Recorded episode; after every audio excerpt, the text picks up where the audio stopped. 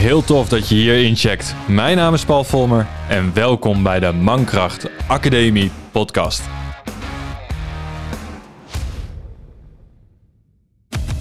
De plek voor echte verhalen over de reis naar de moderne mannelijkheid, verteld door die mannen die ze hebben geleefd. Verhalen over de uitdagingen waarmee mannen geconfronteerd worden, met inzichten, lessen, worstelingen en overwinningen die zij hebben ervaren op de weg naar zichzelf.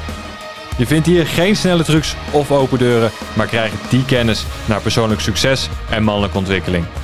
De vier kernelementen vormen de bakermat van wie wij zijn en deze podcast. En helpen jou die potentie, die ware, authentieke kracht eigen te maken. Deze podcast is er voor alle mannen die een mentor willen en begeleid willen worden naar meer persoonlijke groei, gezondheid en succes. Dus weg met de bullshit en welkom bij de essentie van echte mannen.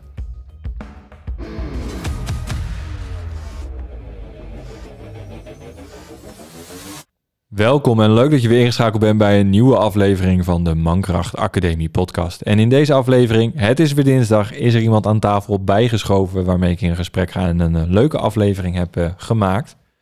Dus daar gaan we zo meteen naar luisteren. Maar ik wil je eigenlijk, voordat we dat gaan doen, eerst even een andere vraag stellen. En die vraag is als volgt. Hoe gaat het met je? Dat vind ik echt belangrijk. Ik vind het echt belangrijk om te weten hoe het met jou gaat.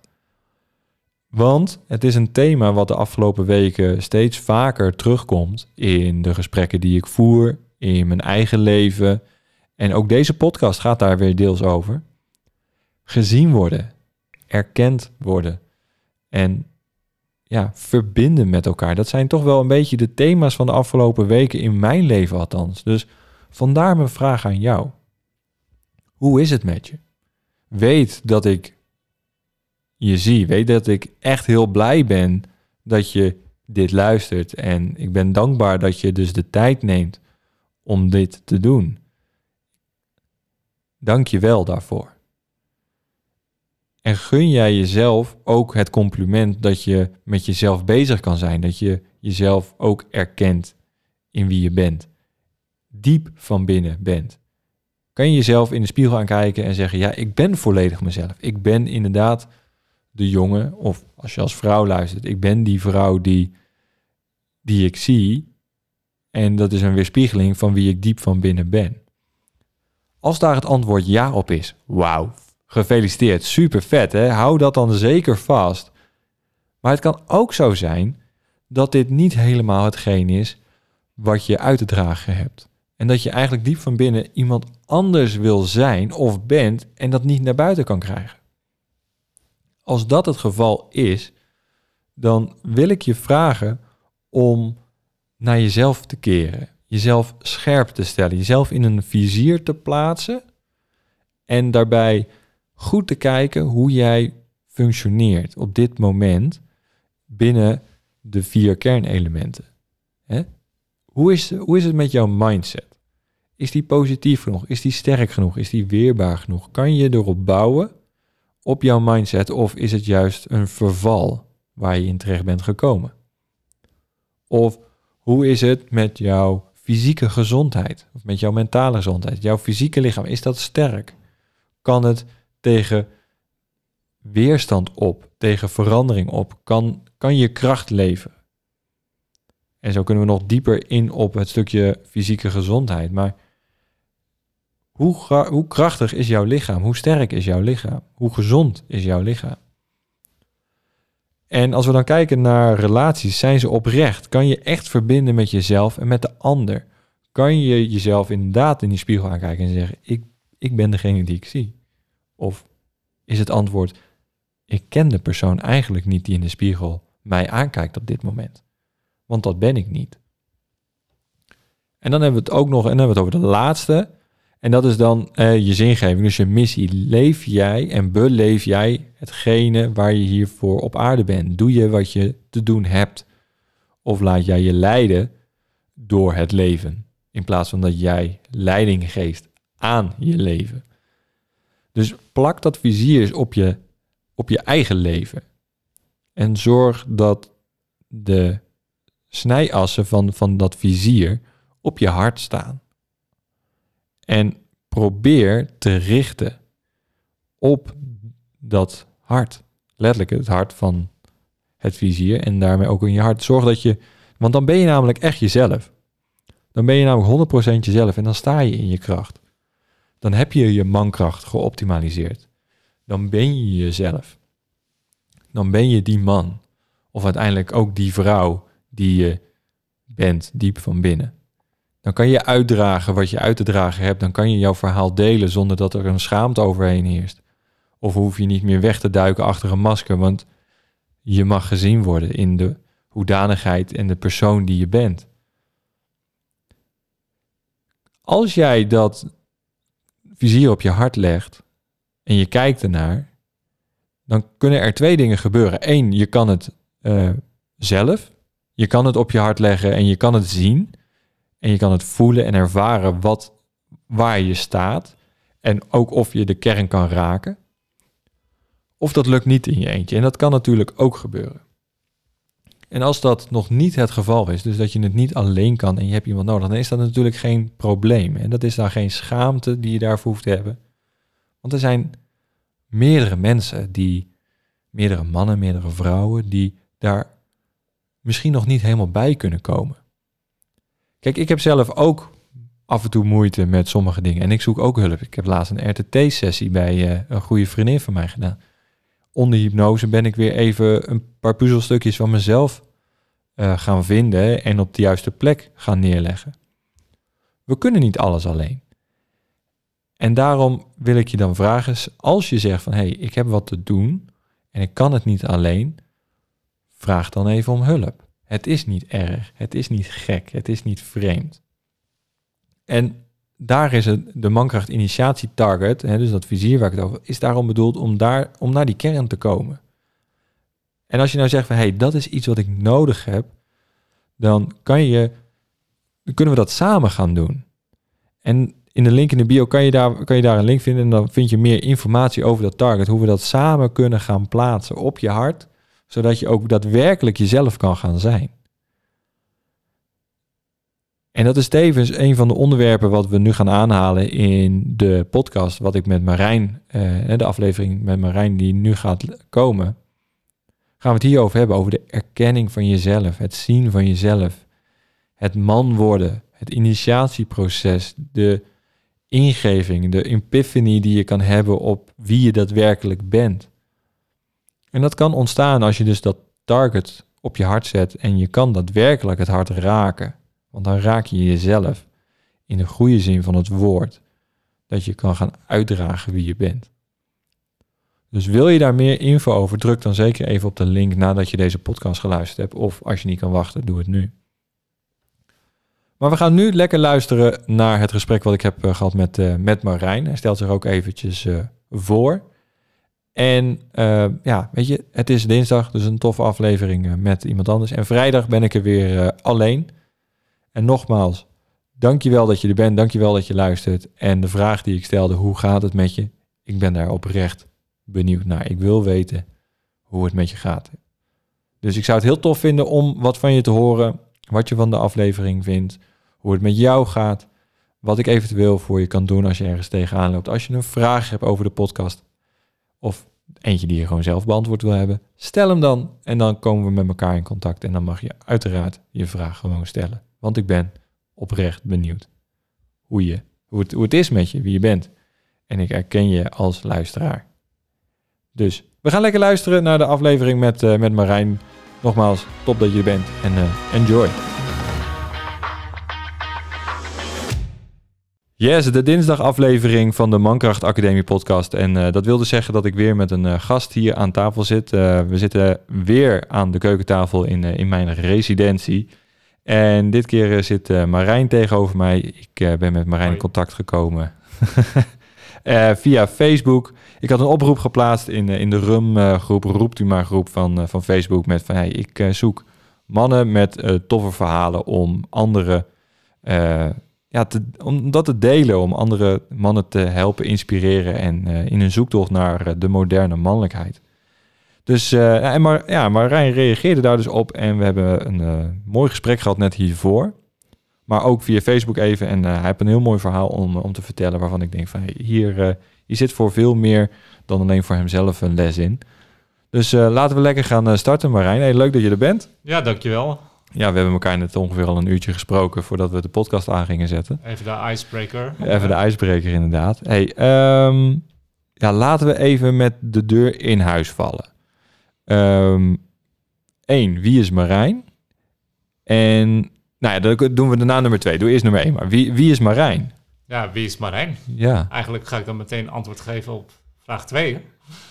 Ja, waarschijnlijk wel, ja. Uh, want Marijn is een nieuwe man met kracht. Echter was dat niet altijd het geval. Marijn was ook heel lang een jongetje met heel weinig kracht en vooral een gebrek aan kracht. Zelfs tot me ongeveer mijn 30, 30ste leeftijd voelde ik me nog steeds dat kleine, onzekere jongetje. Opgegroeid als buitenbeentje van de klas. Jarenlang verscholen als kluisenaar achter een computerscherm. Eerst zonder internet, maar laat, wel met internet. Online gaming. Uh, er waren jarenlang heel veel mensen die mij kenden. Niet zozeer als Marijn, maar onder de nickname Hellspawn. Hellspawn. Dat was ik. Ja. En dan speelde ik urenlang, urenlang, urenlang Quake 3 Arena, een schietspel, online schietspel. En als je dat jarenlang doet, in je tienerjaren, dan mis je een heel, heel groot stuk op het gebied van sociale contacten. En hoe gedraag je in een groep? En ja, hoe verover je je eerste meisje? Ja, dat zijn inderdaad dan wel gelijk weer de belangrijkste vragen in je tienerjaren. Ja. Hey, um, het is interessant wat je zegt, hè? want um, je verschuilen achter een, achter een masker, achter een computerscherm, achter een nickname. Ja.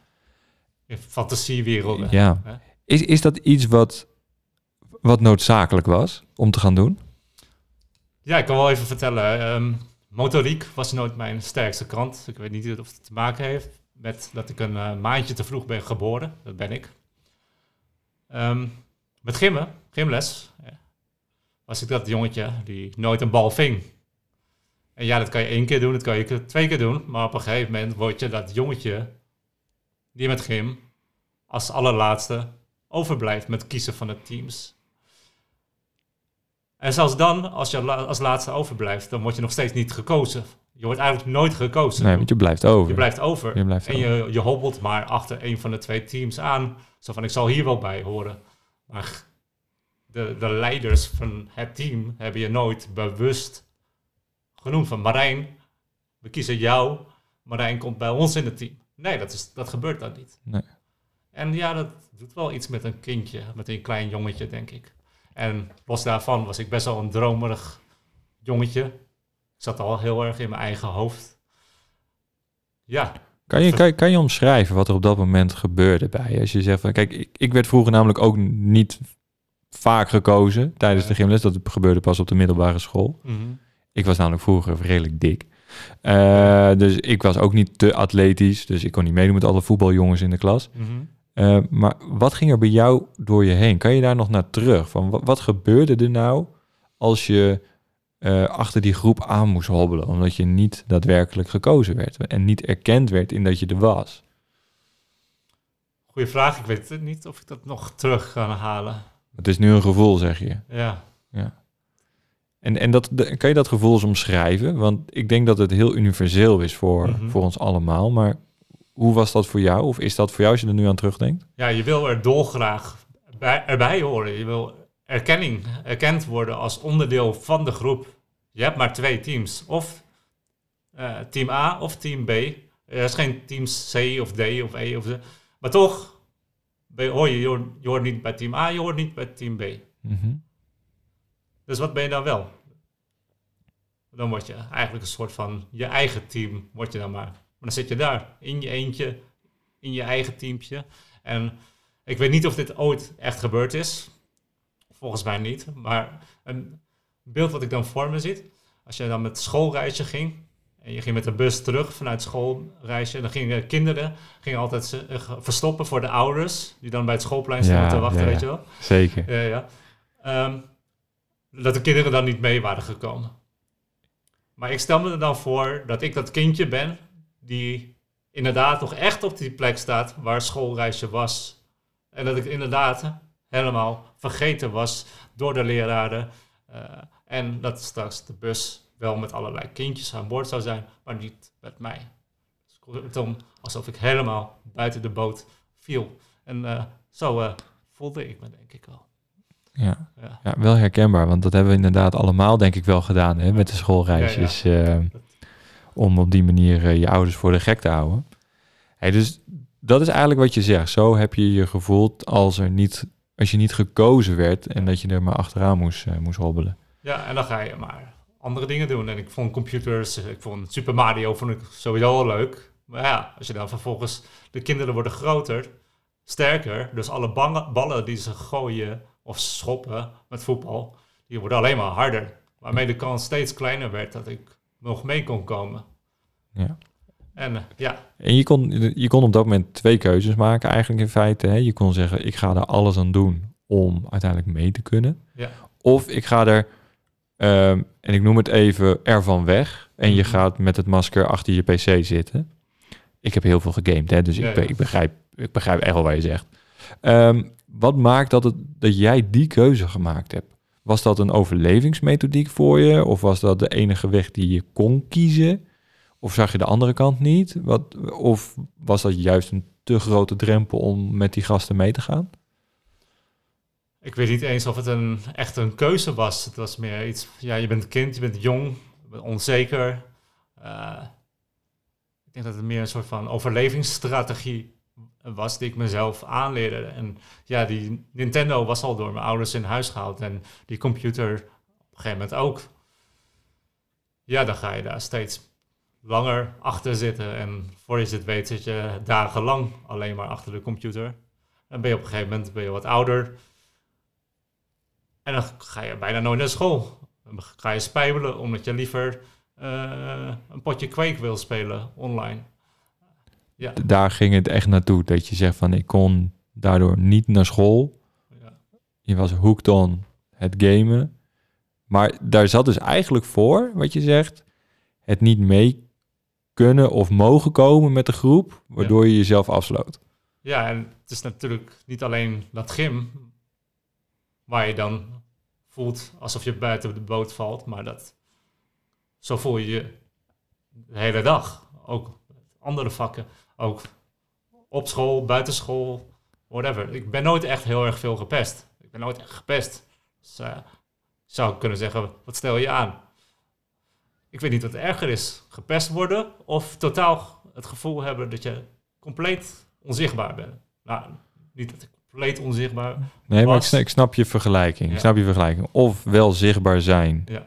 en gepest worden, of niet zichtbaar zijn en dus eigenlijk ook, ja, ehm, je bent niemands land. Je bent je eigen team, zoals Ja. je net zei.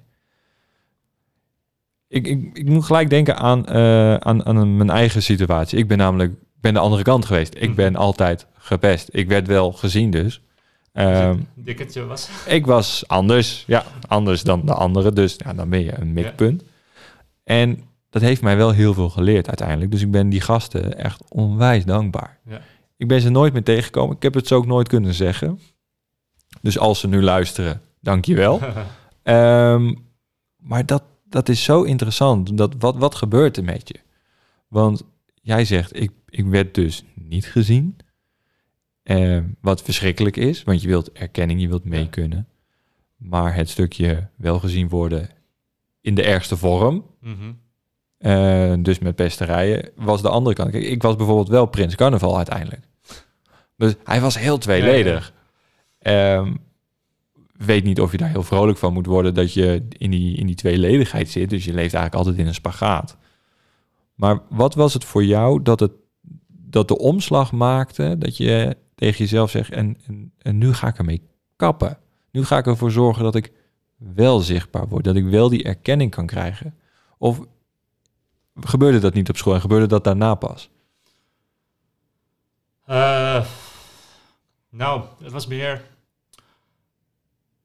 Ik denk dat ik een jaartje of 21 was. MBO, eindstage. Eh, stage bij een bedrijf. En dan zit je iedere dag nog steeds achter de computer. En dat was iets wat ik wel deed, maar ik deed het allemaal voor mezelf. Wat voor, spelletjes wat voor spelen studie deed je? Eh, multimedia vormgeving. Ah, Oké, ja, dan zit je vaak achter de computer. Ja. En toen moest ik dus een website bouwen, online shop, eh, concept was ik mee bezig voor een eh, audiovisueel bedrijf. Dat op zich een leuke opdracht. Maar tijdens die eindstage had ik zoiets van, als ik nou de rest van mijn leven op deze manier doorga, dan zit ik alleen maar achter een computerscherm. En dan zie ik niks van de wereld. En dan ontmoet ik niemand. Dan zie ik alleen maar computerschermen, computerschermen van ochtends vroeg tot 's avonds laat. Voor mijn werk, voor mijn hobby, voor mijn alles, zie ik alleen maar computerscherm. En ik had een momentje van inzicht eh, dat ik besloot om het roer rigoureus om te gooien. Quake 3 was inmiddels ook al een beetje oud en eh, ja, de leukigheid was er wel een beetje vanaf, Dus omdat de game onder andere eh, uitgespeeld was, min of meer. Kwam- het inzicht tot je. ja, En, en eh, wat gebeurde? Neem, neem me even mee. Zat je op kantoor? Was je aan het werk toen dat, nee, toen dat kwartje of die euro viel? Of ja. was dat onderweg naar huis? Of, Nee, toen was ik wel op mijn stage. Het waren denk ik de laatste dagen of de laatste weken van mijn eindstage. Dat ik echt eh, heel erg het gevoel had dat ik inderdaad het spelletje had uitgespeeld. Het is een spel wat je eindeloos opnieuw kan spelen. Schieten, wedstrijden winnen, bla bla bla. Maar Mhm. eh, figuurlijk gezien was het wel uitgespeeld. En de koek was een beetje op. En natuurlijk zijn er altijd weer nieuwe spelletjes die je kan installeren en waar je mee kan beginnen.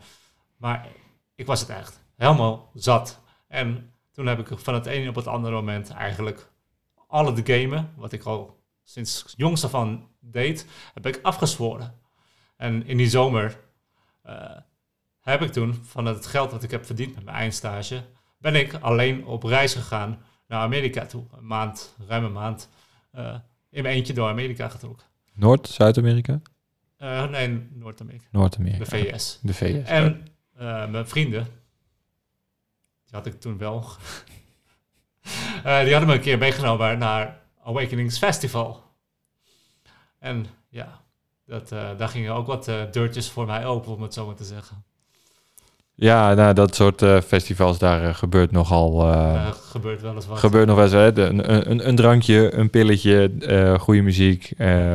nou, moeten we daarop in, over in, uitweiden? Nou, nou, nee. maar er ging wel weer een hele nieuwe wereld voor Er ging een nieuwe wereld over. Oké, Ja. ja. snap ik. Hey, maar je zegt, ik had een epiphany, ik had een openbaring. Ik, je, je ging naar Amerika. Je hebt daar een tijd gezeten. In je eentje. Is daar ook eh, hetgeen ontstaan wat je eh, nu naast je werk doet? Of eigenlijk jezelf ook, hey, je levensavonturier, zo, zo vind je jezelf eigenlijk. Ja. Is dat daar begonnen?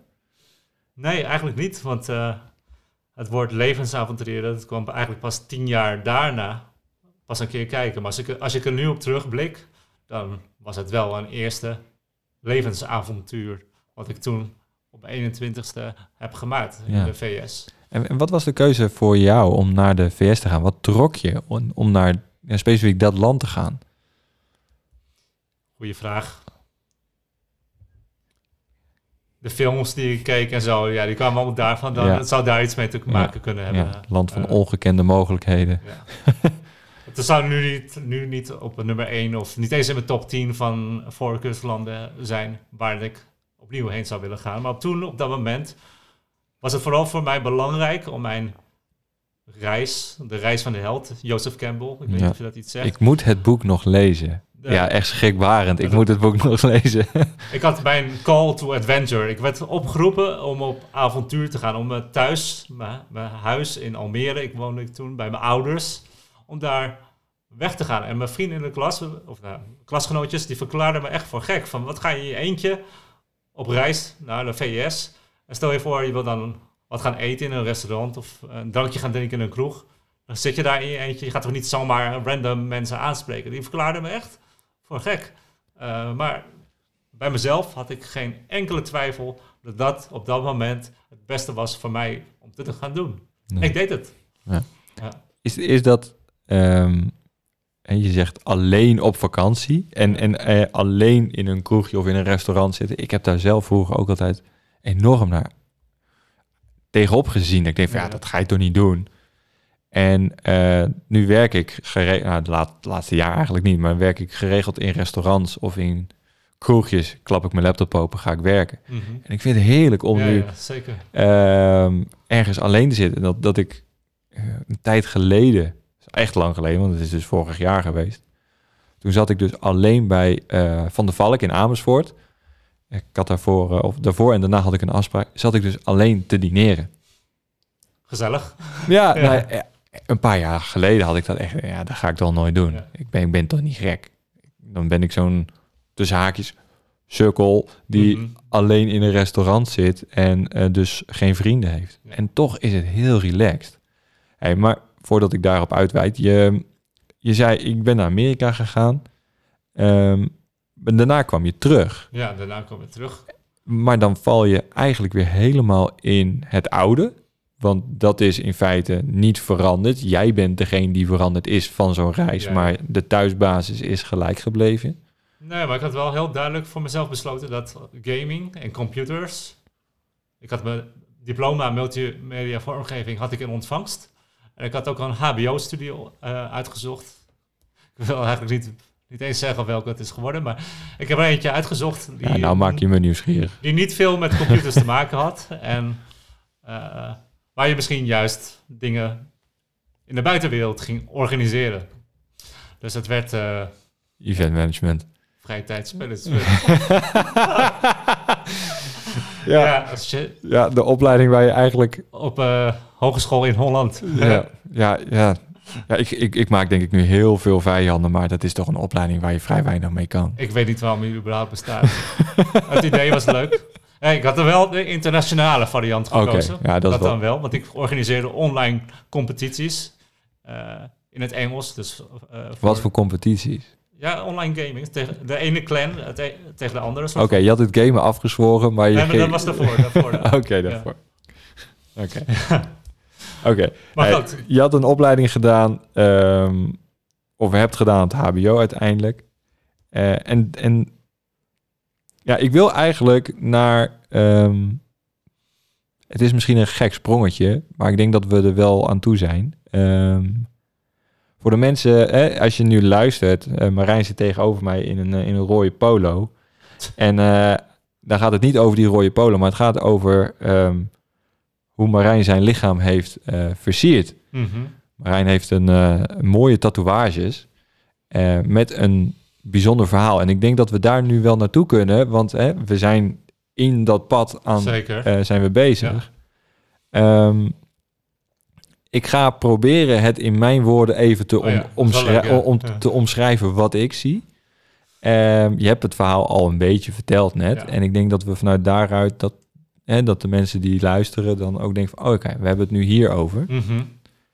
Eh, beginnen we even over jouw borstkas. Want daar zit, daar zit sowieso jouw eerste tatoeage. Daar, daar staat een, eh, een, een groot eh, schip op. Ja. De, Amst- de Amsterdamse paraaf, de drie kruisen staan erop. Ehm, eh, een hart staat daarop. En nou ben ik er één vergeten. Die staat aan de linkerzijde. Ja, de klok. klok. De, de Ja. klok met de datum en de tijd van jouw geboorte. Dat klopt. Ehm, daar zit een specifieke betekenis achter. Niet dat het alleen er heel mooi uitziet. Ehm, wat, wat voor waarde hecht deze tatoeage voor jou? Waarvan je zegt dat heb ik de rest van dat wil ik de rest van mijn leven bij me dragen. Omdat ik al met al toch trots ben op wie ik ben, waar ik vandaan kom. En ik vind, nou, toen ik klein was heb ik misschien nog wel eens moeite gehad met mijn naam, Marijn. Waarom niet Martijn? Maar nu ben ik juist heel erg blij met Marijn. En eh, ja, dat vond ik wel mooi om dat uit te beelden. Eh, Op een geboortekaartje word ik ook voorgesteld door mijn ouders. Ehm, in het water ben je ontsproten. Op het water word je groter. De zee zal altijd met je zijn. Daarom is je mijn naam Marijn, man van de zee. Dat vond ik zo'n mooie eh, verwoording. En ook de eerste paar jaar van mijn leven heb ik op een schip gewoond. Het schip stond op een geboortekaartje samen dus met die tekst. En dat ja, vond ik zo mooi dat dat wel een plekje op mijn borstkast verdiende, vond ik. Ja. Ja.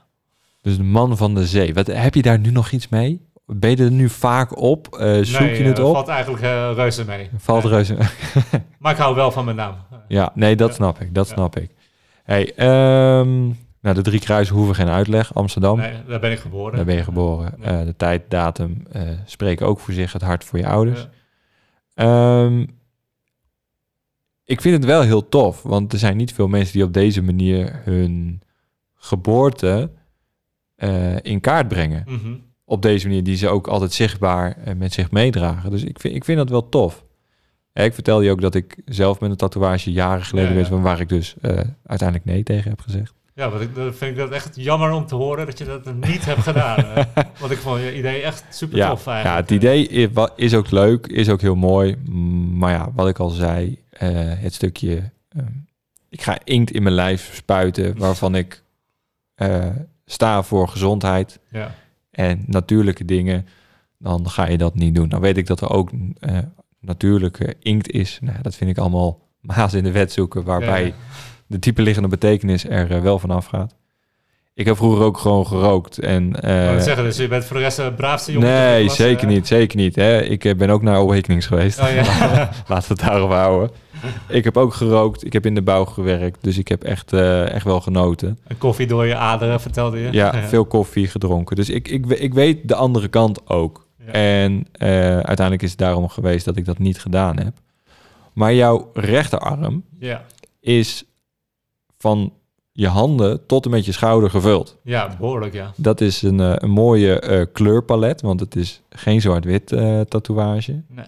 Ehm, er staat een, een raket bovenop, er staat een leeuw onder en ik ga hem daar even heel banaal Ja, ja, eh, neerzetten. je- wat Er staat een duikboot aan de onderkant van je arm met eh zee, koraal en een kompas. Als ik het goed, goed zie. Ja, een kompas met, een een hart. hart. Met een hart erin. Ja. Letterlijk een hart wat je in je lichaam hebt. Geen niet hartje van, eh, van, van Cupido.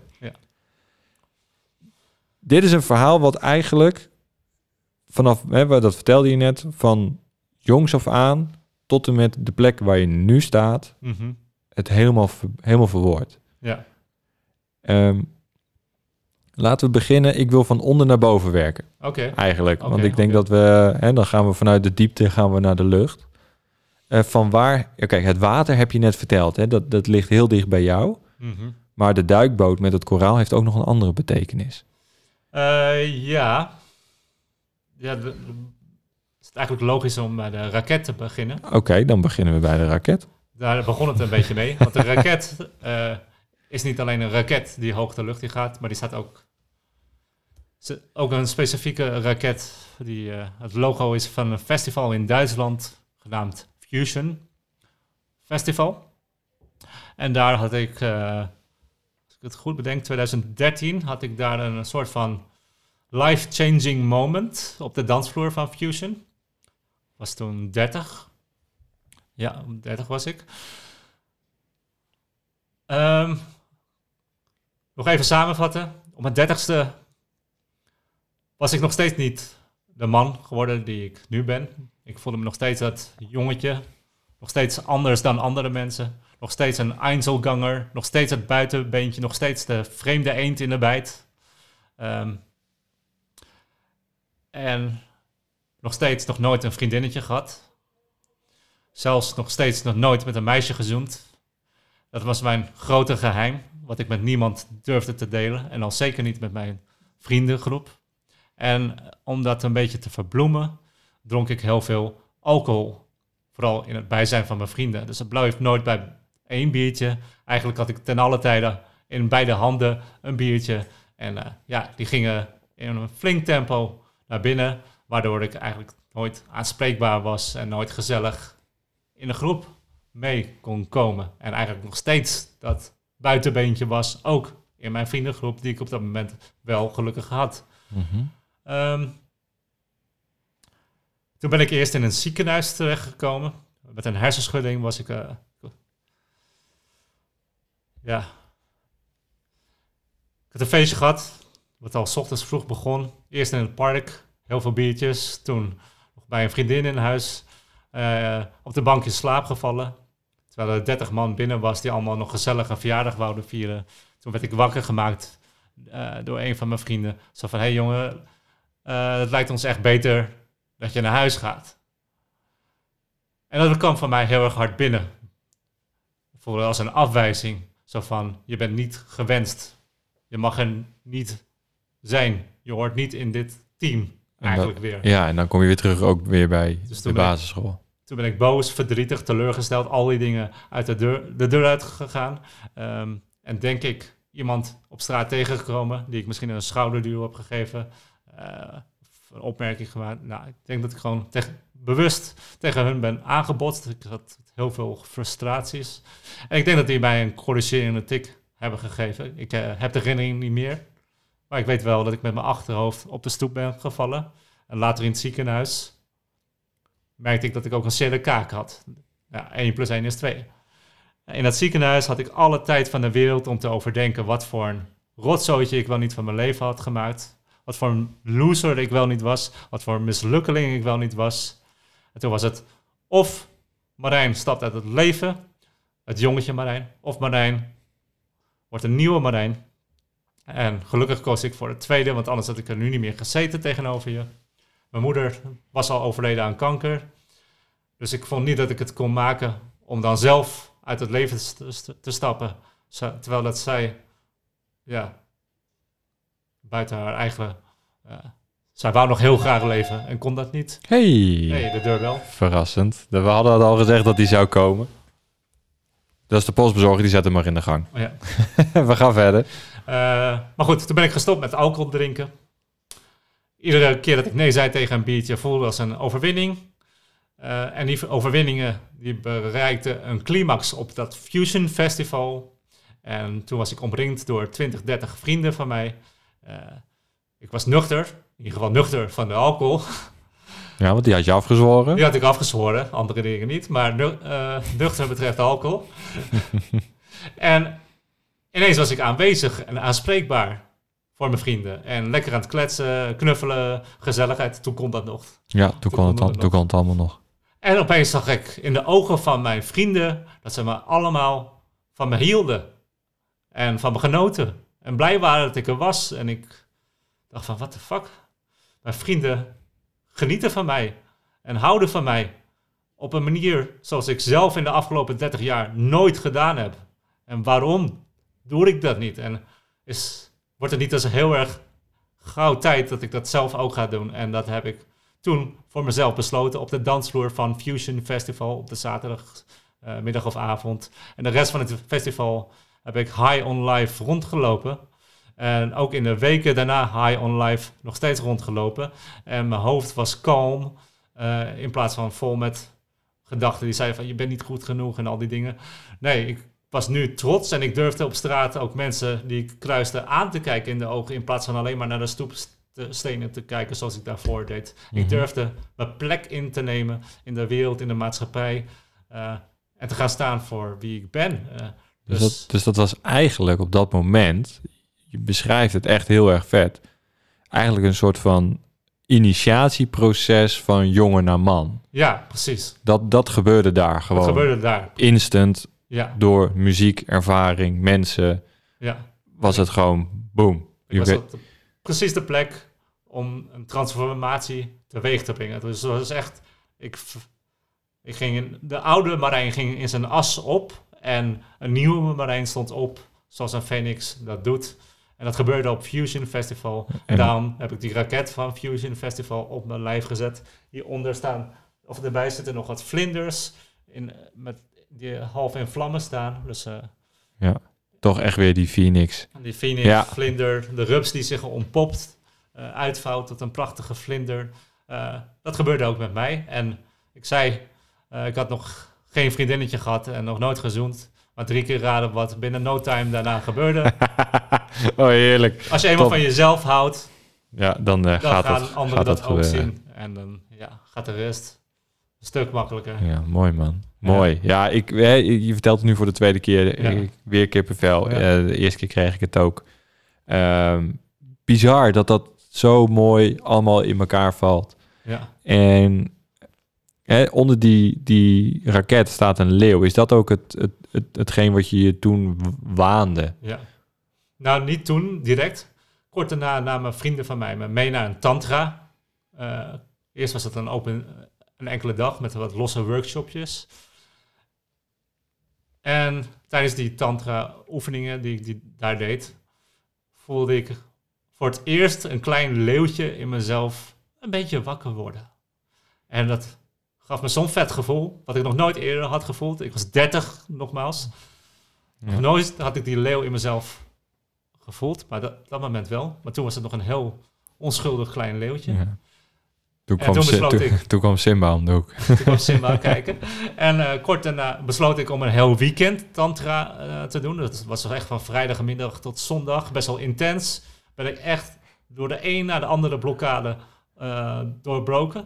Ja, maar tantra, even eh, voor mijn beeld. Daar kun je ook weer een hele podcast mee vullen. Daar kan je ook weer een hele podcast over vullen. Dat zijn... ehm, de meeste mensen die aan tantra denken, denken gelijk aan seks. Ja, maar Dat is is het. geen seks. Dat is het niet. Hè? Nee. Het is een andere vorm van tantra Ja. waar je het op dit moment Ja. over hebt. Ja, Ja, niet dat je denkt, denk, ja, ik ben met mijn vrienden tantra gaan doen. Dat, kan bij sommigen misschien een, een, een Nee, leuk beeld geven. Ja, ja. Nee, nee, nee.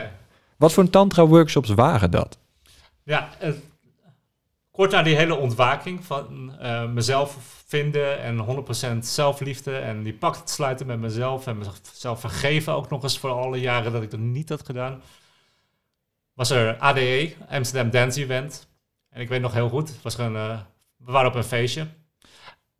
En op dat feestje was eh, een van de dames met, wie ik op dat moment was, gewoon een, een vriendin, die, die, zei van, die gaf me opeens spontaan een schoudermassage. Het stelde echt helemaal niks voor. Toen was ik klaar op een, gegeven moment. En toen zei ze, ja, nu ga jij eh, deze massage doorgeven aan drie anderen. En toen ging ze zelf pontificaal recht voor mijn neus staan. Zo van, en ik ben de eerste. Dus met andere woorden, je mag mij nu ma- masseren.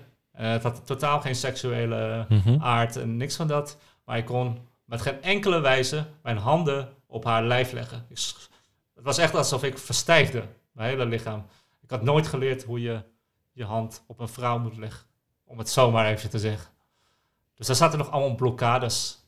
Maar met tantra, door in een veilige space, in een veilige omgeving te zijn, op je gemak gesteld te worden. En eerst doe je dan wat meditatieoefeningen. Dan ga je met jezelf dansen, gewoon door een zaal en een beetje door elkaar heen lopen.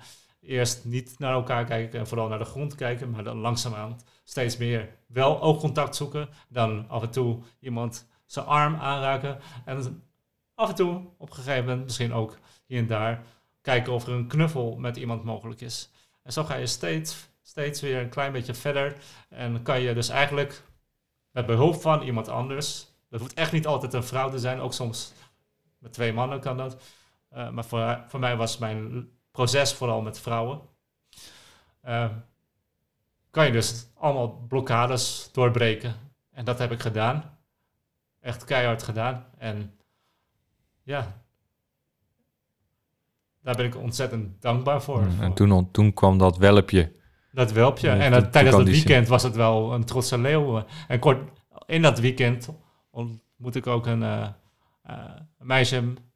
En eh, de week daarna had ik haar uitgenodigd voor een vervolg bij mij thuis. Op mijn, Ja, dat zijn denk ik wel heel veel stappen eh, Ja, ja, die, die dus, je neemt. eh, En dat allemaal, want, want, want dat is eigenlijk dan hetgeen wat je zegt. Door jezelf te gaan onderzoeken, door oefeningen te gaan doen, lichaamswerk te gaan doen, Ja. ehm, kom je achter die blokkade, kom je achter het overlevingsmechanisme. Ja. Ehm, want jij, je vertelt het heel beeldig ja, en dat is echt superleuk, want ik zie het ook gewoon voor me.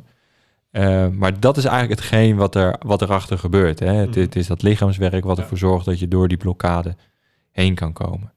En dus ook op een gegeven moment gewoon een vrouw uitnodigend bij jou thuis. Ja, dan heb je toch ook wel. Dan kan je wel zeggen dat je alle blokkades hebt afgeslo- eh, afgesloten die op dat moment daarop had zitten, toch? zeker, zeker Dat, eh, de volgende ochtend. eh, ja, nou ja. Hey, ehm, dus dat is die leeuw die er staat. En we hebben het nog, hè, we hebben het nog steeds over jouw tatoeage. ja, ja. Ehm, zakken we verder. Want zo zie je dat er in één tatoeage gewoon heel veel betekenis kan zitten. Want Mhm. als je het niet zou weten, zou je denken... Oh, Leuk, leuk die plaatjes. eh. ja, leuke plaatjes. ehm, of een bij, bij elkaar geraapt soortje. Want eh, hoe kan nou een leeuwenkop net boven een duikboot zitten? Je, je kan er van alles van vinden. ja. Eh, maar dat zit er wel. Ehm, wat betekent de duikboot voor jou? Want dat heeft, je, je hebt het net al wel verteld, maar Mhm. er zit een, een speciale betekenis achter. Ja. Ehm, wat eigenlijk ook weer meewerkt in het ontblokkeren. Mhm. Zeker, ja. Ja, als ik eh, antwoord mag geven. Ja, vraag. zeker, zeker. Ja, ik ben, ik, ik, ja, ik, ik weet het al, maar ik, je gaat ja, door zo'n proces Ja. bij zo'n tatoeëerder en je wil je verhaal vertellen. En je, ik wist bepaalde, kan natuurlijk zelf bepaalde ideeën in mijn hoofd voor symboliek en hoe je dat kan uitbeelden. Eh, eerst dacht ik iets, aan iets van een put om de diepte, diepe punten, de diepe dalen in mijn leven te, eh, uit te beelden. Maar op een gegeven moment dacht ik, hey, die raket, die raket is leuk als logo voor Fusion Festival, maar een raket is ook voor de piek. Er gaat de hoogte in, Mhm. de, de lucht in. Wat is nou het tegenovergestelde van een raket? Een onder, onderzeeër, een duikboot, die gaat de diepte in, de oceanen in, eh, in onder, ja.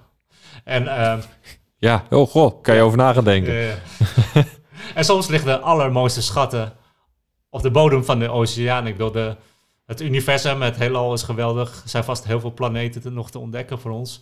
Maar eh, voor mij is het ook heel erg belangrijk geweest dat ik door al die diepe dalen ben geweest. En uiteindelijk ben ik ook heel erg dankbaar voor alle jaren dat ik mezelf in de steek heb gelaten. Want dat heeft me voorbereid op de rest van mijn leven. Want ik ben nu wel heel erg veerkrachtig door alles wat ik heb meegemaakt. Ja, ja, weerstand maakt weerbaar. En eh, het obstakel is de weg. Ja, Dat zijn eh, dingen die ik zelf Zeker. ook eh, vaak, vaak zie en benoem. En ja, de duikboot hè, is ook weer water, ook weer hè, Ja. de man van de zee. Dus het symboliseert zeker, denk ik, ook weer een, stuk van jou. Maar dat is dan mijn invulling Ja. aan hetgeen wat ik zie. Ik, het is denk ik maar goed ook dat je geen put op je arm laat zitten, want dat is wel Ja, dat letterlijk eenrichtingsverkeer. ja. Dus dat, ehm, ja, kijk, waar, waar het vaak schuurt, daar liggen onze grootste schatten. Daar, Ja, daar, ligt het goud. En zonder wrijving geen glans. Dus ik, ook weer, ehm, ook weer iets moois wat je vertelt hè, vanuit, een, vanuit een verhaal van, hey, er is, er zijn altijd lichtpunten. Er zijn altijd ankers waar je je aan op kan trekken als je even laag zit. Er zijn altijd, ehm, ja. ja. Zelfs, zelfs in de diepte van de oceaan heb je eh, bergen hoge cliffs. ja. En zelfs daar heb je dus hoogteverschil. En ook daar kan je dus weer in, in doorgroeien. Mhm. En dat vind ik dus wel heel erg mooi aan die, eh, aan die tatoeage die jij, eh, die jij hebt. En, en ja, wat je zegt, het, het symboliseert jouw verhaal. Zeker. Ja. Ehm, Het hoort echt bij mij, deze tattoo. Ik kan het niet los van elkaar zien. Ja, nee, nee, dat snap ik. Het zou bij Ja. mij op mijn arm er heel raar ja uitzien. dat zou heel gek zijn. Dat zou heel gek zijn. Hey, ehm, er is nog één ding, en dat had je mij net niet verteld, dus dat gaan we nu wel even benoemen. Het kompas met het hart erin. Wat, wat, wat is, wat, welke betekenis en welke les die je hebt ervaren symboliseert dat? Ja, dat is heel cheesy, maar het komt toch echt neer op het 100% zelfliefde. Houden van jezelf, mogen houden van jezelf. Je bent het waard, je bent goed genoeg, je mag er zijn. Of je nou je eigen team hebt of je nou iemand anders team. Ik ben nu ook toevallig ook teamleider op Schiphol. Dus ik heb nu mijn eigen team. En ik zie juist nu een missie in het ervoor zorg te dragen dat andere mensen, eh, andere collega's zich welkom voelen in mijn team. En dat nieuwe mensen, misschien nog een beetje aftastend zijn, een beetje ongemakkelijk voelen op de werkvloer op Schiphol, dat ik ze betrek in mijn team. Want ik weet hoe het is om niet te ervaren dat je bij het team hoort. Ja. ja, de cirkel is rond, wil je eigenlijk zeggen. Dat wil ik eigenlijk zeggen. Ja, cirkel Ja. is rond, mooi. Dus wat ik wel eigenlijk wil zeggen, maar wat je pijn is, kan je ook uiteindelijk transformeren tot je grootste superkracht. Zeker, zeker. Ja. Daar ben ik het helemaal mee eens. Dat, dat we da- daar mogen we veel meer naar gaan kijken. Ja. Eh, en ik denk juist voor, voor mannen in het algemeen dat we veel meer de diepte in mogen bij onszelf. In plaats van al die eh, oppervlakkige handelingen, het, het wegduiken. Dat is dan wel weer de diepte opzoeken. Maar we- we- wegduiken in films, Netflix, ja, games. precies. Eh, maar echt naar onszelf kunnen gaan kijken. Want ehm, ik, heb, ik heb een he- heel tof boek gelezen. En dat, dat is De Wilde Man. Dat is een verhaal van de... eh, is een sprookje eigenlijk. Van de gebroeders eh, Grimm. En het boek is al echt Heel ontzettend oud. Ja, ja. Maar er zit een hele symboliek achter over het, eh, het, het in je put. Ik ga niet het hele verhaal vertellen, want dat eh, staat, op, staat op de website trouwens, het hele verhaal. Mhm. Ehm, maar als je je put leeg schept, vind je daar je, je oerkern. De wilde man die ligt in de, onder, onder water in de put. En ehm, ik denk dat we dat mogen gaan doen, weet je. We mogen die put leeg gaan scheppen. We mogen de ellende gaan opzoeken Mhm. om uiteindelijk bij het goud te komen. Ja, absoluut. En ja, dat is dus die duikboot, dat is die leeuw, dat is die ehm, hè, de, de raket, hè, het initiatieproces waar je doorheen getrokken werd op dat festival. Dat heeft er allemaal mee te maken dat je uiteindelijk nu hier kan zitten en kan zeggen, ja weet je, ik heb het gewoon, ge- ik heb het gewoon geflikt. Ja, En dat is dan misschien nu wel het moment dat je kan zeggen, ik ben nu die levensavonturier. Hè? Want ik nu begon, levensavonturier. maar je bent, je bent gaan reizen, je bent dingen gaan doen. Ja, dat zit ook nog een heel verhaal aan vast. Wat eerst begon met pijn. Van een relatie die had kunnen zijn, maar uiteindelijk niet werd. Met de, Is dat, hetzelfde vrouw, is dat diezelfde vrouw die je op een gegeven moment thuis eh, had uitgenodigd? nee, nee, nee, oké. andere. Oké, we hebben er al twee. Dit was een... eh, nee. Het leek de liefde van mijn leven. En ik leek ook haar liefde van haar leven. Alleen er was één puntje, namelijk ze zat al in een relatie. Ah, lastig. En zij was... Nou, ze besloot om te blijven waar ze was. En niet overnieuw te beginnen. Oké. En toen eh, kwam eh, de, reis, de. En dan blijf je de hele tijd daaraan vasthangen. Zo van, oké, misschien volgend jaar. Dat de van gedachten wel, whatever. Maar op een gegeven moment moet je verder met je leven. Maar dat deed ik niet. Tot ik een- op een decemberavond met een vriend zat te praten over Brazilië. Dat leek me wel geweldig om daar een keer heen te gaan. Het land waar mensen allemaal vol, volmondig ja zeggen tegen het leven. Zoals ik dat aan het probeer of acht, te- zoals ik dat doe. Ehm, spontaniteit, eh, warmte, noem allemaal maar op. En diezelfde avond vroeg je aan mij, Marijn, waar wacht je nog op? En toen dacht ik, waar wacht ik nog op?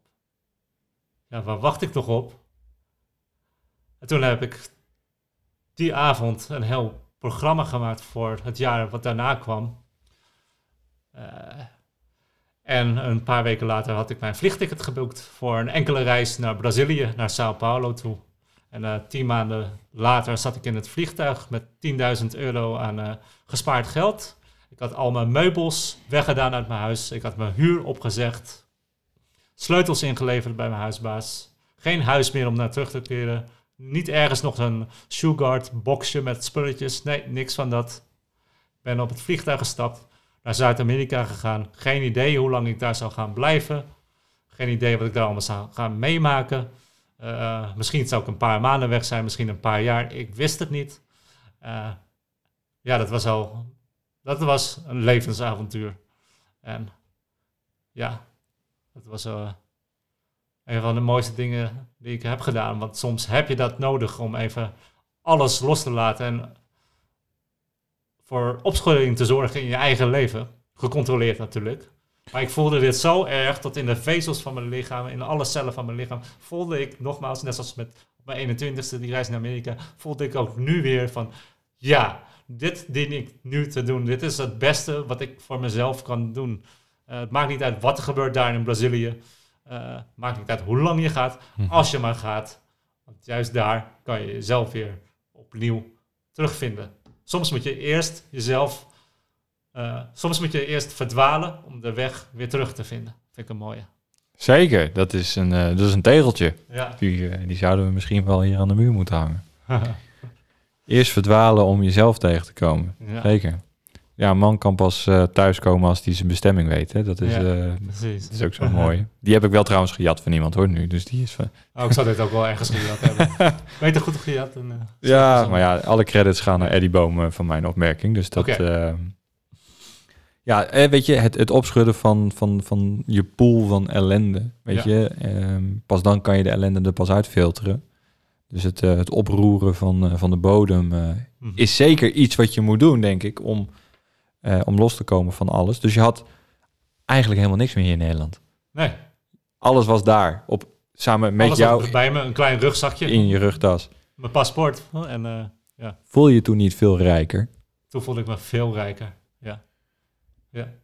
En hoe lang heeft je reis uiteindelijk geduurd? Ik ben nog steeds op reis. Ja, dooddoener. dooddoener. Nee, maar serieus waar. Ik, eh, ik heb nog steeds geen enkel meubelstuk wat ik bezit. Ik eh, woon op dit moment in Hillegouwaard in iemand anders zijn huis. Slaap in iemand anders zijn bed. Zit op iemand anders zijn bank. Ik eet van iemand anders zijn borden. Alles is Airbnb, nee. sort of. Iemand is aan het proef samenwonen met zijn vriendin. En ik zit in de tussentijd. Oké, maar wacht even, wacht even, wacht, wacht even. Error in mijn hoofd. Oké, vertel. Ik- We hebben nog tijd. We, we, we, hebben, we hebben nog even. Maar ehm, je werkt op Schiphol. Ja, Je hebt eigenlijk een heel bestaan hier in Nederland. ja. En je hebt geen... Hè, ik, ik weet niet hoe lang dat die samenwoonproefactie van deze jongen en dame nog gaat standhouden. Maar dan? Ik heb alweer een vervolg eigenlijk. Oké, Ik heb net eh, twee dagen geleden ja gezegd tegen heel klein huisje, appartementje in Amsterdam-Noord. oké, dus je gaat wel nu... Maar, maar, Oh, maar ik ga te snel. maar dat kleine huisje, appartementje heb ik niet voor mezelf. Daar wonen nog drie andere mensen. En dat zijn geen Nederlanders. Het is een Colombiaan, een Vietnamese en volgens mij half Braziliaans, Spaans, nog iets. Dus ook weer allemaal internationaal. En dan kan je zeggen, dan heb je nog steeds niet je eigen plekje en al die dingen. Maar ook daarin vind ik weer rijkdom om met internationale Ja. mensen samen te wonen. Ik had al een cursus Spaans, heb ik al betaald. Daar begin ik volgende week mee. En in mijn Is het ook iets wat je niet ambieert? Een, eh, een, een, een eigen plek waar je dus ja, s'avonds naar, naar terugkeert? Die heb ik, in zekere zin. Ja, maar je, maar, maar je deelt het met anderen, zo Ja. bedoel ik hem. Dat, daar, daar, daar gaat je hart meer van kloppen. ik eh, ben een vriend van verandering. En eh, dit kwam op mijn pad. Ik werd eigenlijk uitgenodigd door het leven. Eigenlijk een nieuwe call to adventure. Ook dit is maar tijdelijk voor mijn idee. Ik weet niet of ik hier een paar maanden, een jaar of een paar jaar zit. En tegelijkertijd sta ik ook heel erg open om wel huisje, boompje, beestje, een vaste relatie en wellicht een gezinnetje te stichten. Maar op dit moment is dat niet aan de orde. Dus op dit moment ben ik nog de vrije levensavonturier die lekker rondfladdert en er heel erg naar uitkijkt om zijn Spaans bijvoorbeeld weer wat te verbeteren met deze Spaanstalige mensen in huis. Ja, leuk. Ja, eh, Colombiaan, eh, Braziliaan, dat zijn allemaal Zuid, eh, Zuid-Amerikanen. Die Ja. spreken... Alleen. Brazilië spreekt zo ja, Portugees. Portugees. natuurlijk. Ja, het lijkt op Nog elkaar. eigenlijk veel mooiere taal, maar niet, dat uh, tezijde. Vind ik, hè? Nou, ehm, daarover gesproken. Eh, ik, ik heb een Spa cursus Spaans gedaan. Daar eh, kan ik eh, vrij weinig me van herinneren. Dus dat is niet echt goed gegaan. Ehm, maar ik heb een half Spa net zoals half Spaans, half Braziliaans vakantievriendinnetje gehad. Oké. De, de dochter van de eigenaar van de discotheek. Ah, ja, ja. Maar, nou ja, oké, cliché? Heel cliché. Ze is zelfs een keer in Nederland gekomen. Oké. Ehm, nu is ze gelukkig getrouwd en woont ze in Parijs en heeft ze een kind en hartstikke leuk. Eh, ik kreeg, eh kijken, wanneer kreeg ik? Ik denk vorig jaar kreeg ik een foto van haar doorgestuurd. Oké. Dus dat was wel erg leuk. Ehm, maar die gastvrijheid en die openheid en wat je zegt eigenlijk is Portugees. Als je goed luistert, heeft het veel meer klank in zich. Ja. Zing het haast. Ja, ja, maar ik vind, ik vind Spaans wel, wel mooier klinken. Echt? Ik vind Spaans wel mooier, maar Portugees heeft eh, meer klank. Zeker de Braziliaanse Portugese variant. Ja. Ja. ja, nee, zeker, zeker. Maar als dat allemaal bij elkaar kwam, Ja. ah, daar kon je helemaal niks meer eh, van maken. Dat was één grote gekkenhuis. Maar ja, oké. dus je gaat... Eigenlijk ben je gewoon een, een vol levensgenieter. Ik zeg iedere dag ja tegen het leven. Of ik nou hier in Nederland ben, in Brazilië ben, in Turkije of India, waar ik dan ook ben, zeg ik ja tegen het leven. Is dat, is dat achterliggend? Ja, dat schiet me nu een keer te binnen. Eh, je, bent op, je werkt op Schiphol in, eh, in de beveiliging. Eh, maar ben je op Schiphol gaan werken omdat dat het punt is in Nederland waar je Nee, eigenlijk alle hoeken van de wereld kan gaan treffen en ontmoeten en ook van kan gaan. nee, maar zo heb ik hem wel achteraf inge... inge Een vriendin van mij noemt mij, zegt altijd dat ik heel erg goed ben in jobcrafting. Dus waar andere collega's van mij heel erg gewoon... Ze, ze fouilleren de passagiers die ze moeten fouilleren. That's it. Als ik iemand heb Jij gaat grondig onderzoeken. dan, en ik hoor, ik hoor een, aan hun accent dat ze misschien Ja. Braziliaans zijn. Dan wil ik dat weten, dat vraag ik dat. En als ze dan inderdaad Braziliaans zijn en we hebben die verbinding, dan ontstaat er vaak een gesprek waarin ik vertel over mijn reis die ik heb gemaakt naar Brazilië. Vraag ik waar zij, waar zij vandaan komen in Brazilië. Eh, vertel ik dat ik daar geweest ben. Ben ik waarschijnlijk vier maanden in Brazilië gezeten. Eh, en dan heb je een heel leuk gesprekje. En dan gaat zo iemand met een heel goed gevoel weg. Ik ga met een, goed gevoel naar huis. Iedereen heeft een leukere dag.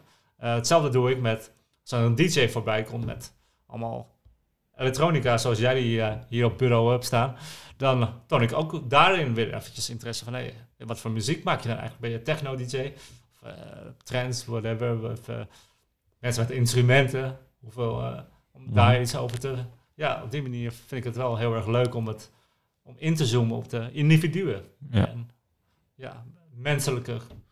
De menselijke verbindingen op, op Schiphol. Ja. Ja, ik vind het leuk dat je dat zegt, want het is het totaal niet. ja zo Het is ik het wel. Ja, ja, nee, maar het menselijke op Schiphol is met z'n allen in een rijtje staan en door de douane heen eh, waggelen. ja. Dat is het enige menselijke wat ik aan Schiphol vind. Ehm, want er is nergens tijd ehm, voor de mens. En ik vind het leuk dat jij dat wel, ehm, we- wel, wel op die manier doet en, en echt contact wil maken. Mhm. Eh, dat is misschien nog wel, een- wel een leuke grap eh, om te vertellen over... Was dat Schiphol? Ja, dat was Schiphol. Vertel. Ehm, vorig jaar, nee, anderhalf jaar geleden gingen we met, eh, met mijn ouders, die namen mij en Nens op, eh, mee op vakantie met mijn zus en mijn zwager en mijn neefje naar eh, Gran Canaria. Superleuk. Hebben we daar een weekje gezeten, lekker all-inclusive, helemaal top. Ehm, en we gingen door de douane heen. Douane, dat zijn wij, hè? We zijn eigenlijk beveiliging. Ja, oké. Maar dat maakt niet uit. Maakt niet uit. Nee, maar mijn moeder heeft eh, een van haar borsten is geamputeerd. Zij, zij heeft borstkanker gehad. Oh. Gelukkig eh, verder gezond eh, overheen eh, ge- gekomen. Maar ze heeft dus een, ehm, een neppe. Mhm. Maar die niet implantaat, maar eentje waar je mee kan overgooien, bewijzen van. Dat deed ik vroeger bij mijn oma. Dat dus dat, dat, die, die had het ook. En daar konden we, als we kwamen logeren, konden, ging ik daarmee overgooien met oma. Wat vond oma daarvan dan? Die vond het hartstikke leuk, dus we gingen Ja. altijd overgooien met haar nepborst. Nou ja, oké, prima. Maar mijn moeder werd er dus uitgepikt op Schiphol. Ja, ja. Om, ja, die scan, die zag Mhm. iets. ja, dat gebeurt soms. Dat ja. gebeurt soms. Maar ja, helemaal niet. We wisten allemaal niet dat dat ehm, in dat bakje moest liggen. Ze moest, bakje moest liggen. ja, ze heeft hem eruit moeten halen. Ze, heeft, ze moest er opnieuw doorheen. Ze, moest, ze is letterlijk in een hokje genomen om... eh, eh, eh, zij hebben ze dingen besproken en dat soort dingen. Nou, dat vind ik echt... Echt zo bizar. Dat zou bij mij niet gebeuren. Nee, dat was zo bizar. En we zaten echt zo, wat de fuck gebeurt hier nou? En, en nou ja, ze wisten het. Dus ze zagen eh, het. Maar het was echt heel gek. Het was echt heel gek. Dat vind ik niet heel erg menselijk van mijn collega. Nee. Die het ook eh, is geweest. Nee, maar het, het, het- ik vind het verhaal... We, we hebben daarna echt onwijs om kunnen lachen. We, we hebben daarna daar echt, ben echt, om, kun- om. echt om kunnen lachen over dat het eh, gebeurt... en dat het eigenlijk ook nergens wordt gedeeld. Je koopt tickets en er wordt niet tegen je gezegd van... oh, ehm, hou hier rekening mee. Of wat dan ook. Want blijkbaar ziet hij, zag die scan het en die dacht van... hé, hey, daar zit iets geks. Ja. Die is drugs aan het smokkelen of zo. Nou, dat zegt die scan niet. Maar Nee, maar dus, er de zit scan iets, geeft aan dat er iets zit. Ja. iets niet natuurlijks zit. Dus dat was wel heel bijzonder. En nou, we hebben daarna echt smakelijk kunnen lachen. Mhm. Maar dat was ook totaal niet menselijk. Want ze werd, ze werd nog een keer gefouilleerd door iemand die ehm, ja, misschien nog aan het oefenen was of aan het leren was. Maar dat ging ook niet heel erg ehm, soepel. soepel. is nog eh, zachtjes uitgedrukt. Oké, Ehm, dat ik echt dacht van, nou, echt heel, heel raar. En dan vind ik, het, vind ik het nogmaals super gaaf dat jij zegt van ja, ik, ik zoek die menselijke kant. ja. Want je gaat als een stelletje schapen of kuddedieren, ga je door een trechtertje heen. En ehm, Pretty much. Ja. ja, pretty much. Dus ik, ik vind het mooi dat je zegt, ja, die, die menselijkheid die is belangrijk. En helemaal op een, eh, op een klinische plek als, eh, als Schiphol. Maar ik heb meer collega's van, eh, die erin staan zoals ik hoor. Of Gelukkig. die het misschien niet zo zullen uitleggen, maar wel heel erg menselijk zijn in hun doen en laten. Ja, gelukkig maar. Gelukkig maar. Alleen jammer om te horen dat... iemand kan ook gewoon een slechte dag gehad hebben. Hè? of het wordt... ge- Ja, het- ja, ik kan er niet... Nee, je kan er niks op zeggen. Maar het, het is of een slechte dag, of het, die machine die had het al een kuurtje. Maar achteraf super grappig. Ja. Op dat moment Ik ben echt. blij eh, dat jullie erom kunnen lachen achteraf. Je schaamt je wel dood hoor, op het, op het moment dat het gebeurt. Want je wordt echt gewoon gelijk eh, aangepakt als een, eh, als een crimineel. Althans, zo voelden wij ons. Ja. Ehm, maar ja, leuke anekdote zo over, ehm, over Schiphol nog. Ik hoop Hey. dat je de volgende keer ook een keer iets leuks meemaakt. Nou, kijk, nou, dat is dan iets anders. Ik heb, ehm, even kijken, ik was 21. Toen heb ik een operatie gehad aan mijn borstkast. Ik had een trechterborst, dus mijn borst was naar binnen gegroeid, mijn borstbeen. En de tegenhanger is een kippenborst, dan staat die naar buiten. Maar hij drukte dus mijn hart weg, mijn borstbeen. Dus ik heb een operatie gehad dat ze er een plaat in hebben gezet, Ja. zodat dat weer goed kon groeien. Maar ik had het zo leuk gevonden als ik door de douane zou gaan of dat ook en het zou afgaan. En ik moest vertellen, ik heb een plaat in mijn borst en eh, je Zou je bewijs. stoer... Ik had dat echt stoer gevonden. Een soort van Terminator die Ja, een soort van- scan komt. Ja, I'll be back. Ja. En eh, weet je, maar dat gebeurde niet. Dus dat, ehm, geld terug. ja, nee, helaas niet. Maar dat, dat, dat, ik had het leuk, ik had leuk gevonden als daar een mooi, mooi verhaal aan vasthing. Eh, behalve dat ik dat dan nu kan vertellen dat het niet gebeurd is. Ah, jammer. Maar dat eh, is wel, wel mooi dat het, of althans, aan de ene kant gebeuren dingen wel, aan de andere kant gebeuren niet. Dus wat zit daar dan weer achter? Welke bevestiging heb je te leren over iets wat er gebeurt? Ik zocht erkenning, ik kreeg het niet. Ja. Mijn moeder wilde het niet, kreeg het weer wel. Ja. Dus welke eh, les zit daar dan weer achter? En ik denk dat dat het iets is waar we veel meer naar mogen kijken. En ik herhaal dat heel vaak. En dat heb ik nu in deze podcast ook al drie keer gezegd. Wat Mhm. zit erachter? ja. Ehm bepaal niet wat je ziet, hoe je handelt. Maar wat zit er achter datgene? Ik ga daar naar kijken om te handelen. Wat zit er achter de boosheid? Wat zit er achter de frustratie? Wat zit... Ja. Ja. Ja, en dat is dus hetgeen wat, je, wat we het afgelopen jaar... Daar gaan, we, gaan, we gaan verder niet over, over alles hebben van het afgelopen... maar dat Ja. zie je wel gebeuren... dat mensen alleen maar op de voorgrond handelen... Mhm. en niet, eh, of misschien wel onvoldoende daarachter kunnen kijken. Tenminste, zo zie ik het. En wie ben ik? Ik zit hier ook maar aan deze tafel. Ehm, maar ja, laten we het daar verder niet over gaan hebben, want dan, eh, dan gaan we in een hele negatieve sfeer terechtkomen. Dat zou zonde zijn. Dat zou Het zonde leven zijn. kan ook zo mooi zijn. Het leven is ook zo leuk. Het is zo mooi.